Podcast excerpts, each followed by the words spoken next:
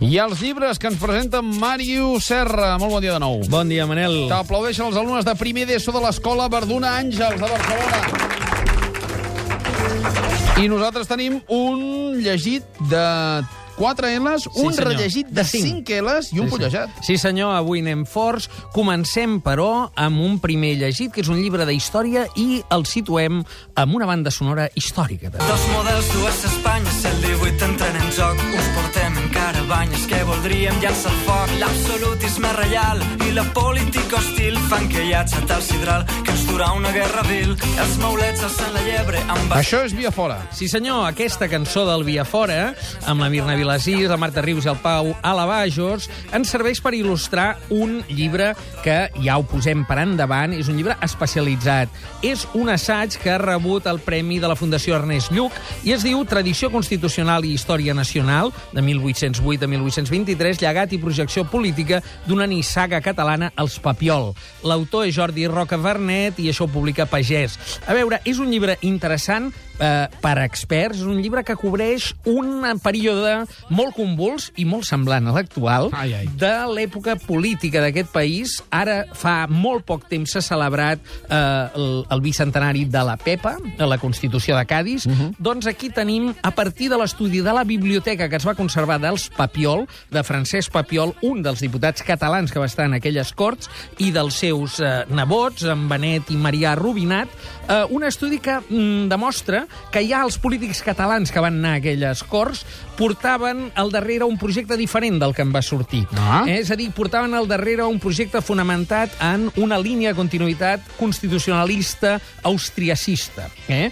Uh, I, per tant, no se'n van sortir gaire, no? Uh, el que està bé és que aquest assaig, que insisteixo, un assaig molt especialitzat, amb notes a peu de pàgina, apte per a universitaris i per a gent interessada en història, és que parteix de l'estudi d'una biblioteca que avui encara es conserva, i en aquesta biblioteca, a Vilanova i la Geltrú, al Palau dels Papiol, que és on es presentarà aquest divendres aquest llibre, resulta que encara hi ha, per exemple, el Via Fora als Adormits, el qual es cridaven, és a dir, tots els pamflets que van ser prohibits després del decret de nova planta de 1714, alguns d'ells en còpia manuscrita. Per tant, és un tresor bibliogràfic que l'autor, en Jordi Roca, ha posat al servei de, mm, diguem, la ideologia que, d'una manera soterrada, portaven els eh, Papiol, aportaven també a la Constitució.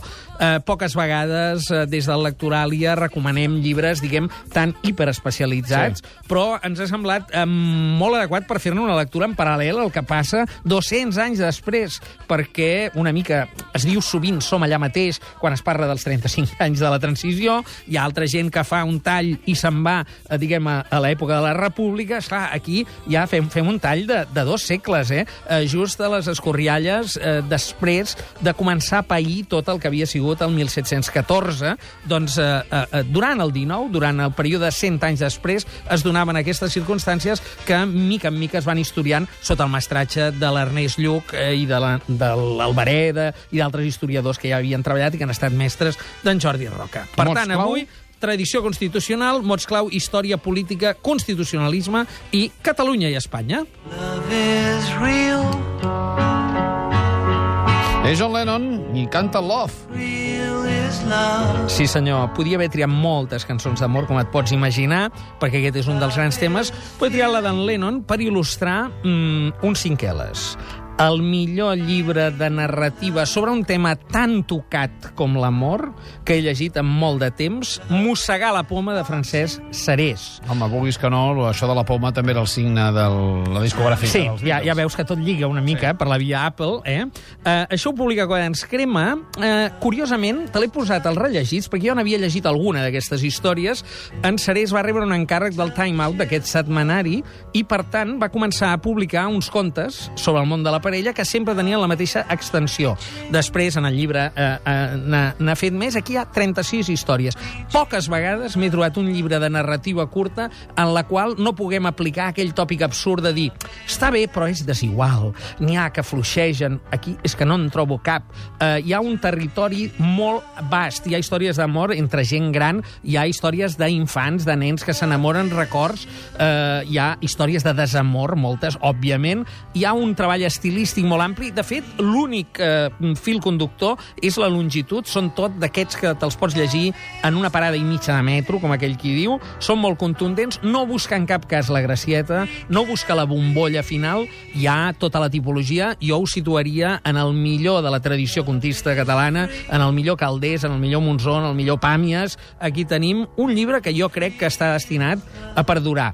Eh, tot i que neix d'un encàrrec tan modest com eh, fes un conte cada setmana i s'enfronta a un territori que ha estat tocadíssim en el món de la cançó, de la literatura, de la poesia, de la narrativa, però aquí amb, anant directe a la qüestió i fins i tot ja com a detall, diguem, per aquest programa, eh, fins i tot en una de les històries de desamor hi ha un pobre que va comprar, un abandonat que va comprar un animal de companyia, n'hi ofereixen diversos, és un clàssic dels acabats de separar, i un dels que els ofereixen és un lloro que diu mira, és un lloro que, que sap cantar a la sintonia de Catalunya Ràdio. o sigui que, com pots veure, eh, hi ha territori eh, i una mica to per tot, també per l'humorístic, però són històries que van directament a les emocions i mm, realment t'he de dir que m'ha sorprès per la solidesa. Serés ja és un autor, diguem, de, de que té una llarga trajectòria, però ha tocat pals molt diversos eh, i aquesta és la primera vegada que s'enfronta amb una narrativa tan curta, tan breu. El seu últim llibre que havíem recomanat aquí, Contes russos, estava molt bé, tenia una gran construcció, però noi, aquest és que és un cop de puny. Per tant, ja portem dos cinqueles de cara a aquest Sant Jordi, La dona que es va perdre la Marina Espasa, Mossegar la poma del Francesc Serés. Estem una mica al marge dels grans premis, dels grans recomanacions comercials. Eh? Intentem eh, també buscar recomanacions pròpies secció, del clar. Lectoràlia i aquí Mossegar la poma de Francesc Serés quan ens crema. Escolta'm, què és més intens, l'amor o el desamor? Eh, molt més intens el desamor perquè eh, ha existit l'amor abans. És a dir, que, que és a dir, porta el els dos sentiments. eh? Exactament. Està clar que hi ha el contrast i el conflicte. També eh, la felicitat és, i l'amor és un estat passatger mentre que el desamor de vegades és molt més persistent. És més fàcil persistir en el desamor que no pas en l'amor, en la, en la Carai, gran pujada. Eh? i estem, avui i aquí estem, tenim optimisme, estem eh? Va, dos, va, Vinga. mots clau. Mira, t'he posat de mots clau quatre lletres. A, M, O i R. La resta és literatura. Oh. Sona Horta Lliure dels Diables d'Horta. Sí, senyor, al meu barri t'he portat aquí una rombeta que van fer aquesta, aquesta horta lliure per il·lustrar un llibre que és un gènere. Poques vegades també recomanem eh, còmic o llibres de dibuixants. Passejant per Horta és un carnet de viatge de l'Òscar Julba i eh, que és un dibuixant que ho ha fet en diversos barris també. Aquest, que és el meu i per Sí. això, diguem... eh, Està ben el retratat porto, o no? Retratadíssim. És a dir, la gràcia és que ens remet gairebé a la prèvia del fotoperiodisme. Saps? En aquella època en la qual hi havia uns senyors que anaven a dibuixar Sí. el que veien en un judici, doncs fixa't que jo conec molt bé, de fet m'he trobat retratat i tot el foment hortenc sense jo saber-ho, eh? Uh, però jo que conec el bar on jo esmorzo cada dia, Sí? uh, que avui em vinc, a la vitamínica, la cuinera és bastant remugaire. Diguem, sempre remuga. Doncs aquí la trobes, veus, el Quimet, que és un bar... La troba remugant. La troba remugant. És a dir, ell, aquest senyor, l'Òscar Julba, es va passejar pel barri, per tots els bars, per tots els llocs públics. Mira, la vitamínica d'Horta, i aquí, veus, aquí diu ritme frenètic, cuina la vitamínica, diu rosa, la, d'això. Diu, Quin quin, caràcter. caràcter. Jo dic, hòstia, aquest tio ja ha estat aquí, saps? Perquè jo això m'ho conec.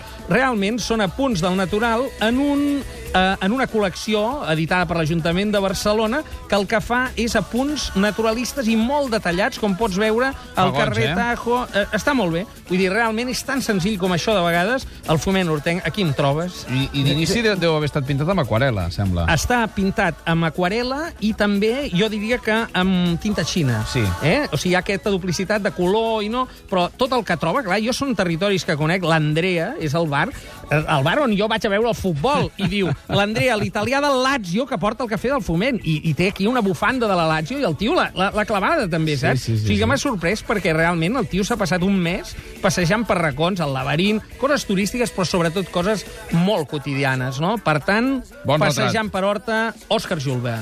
Gràcies, Màrius. A reveure. Fins la setmana entrant.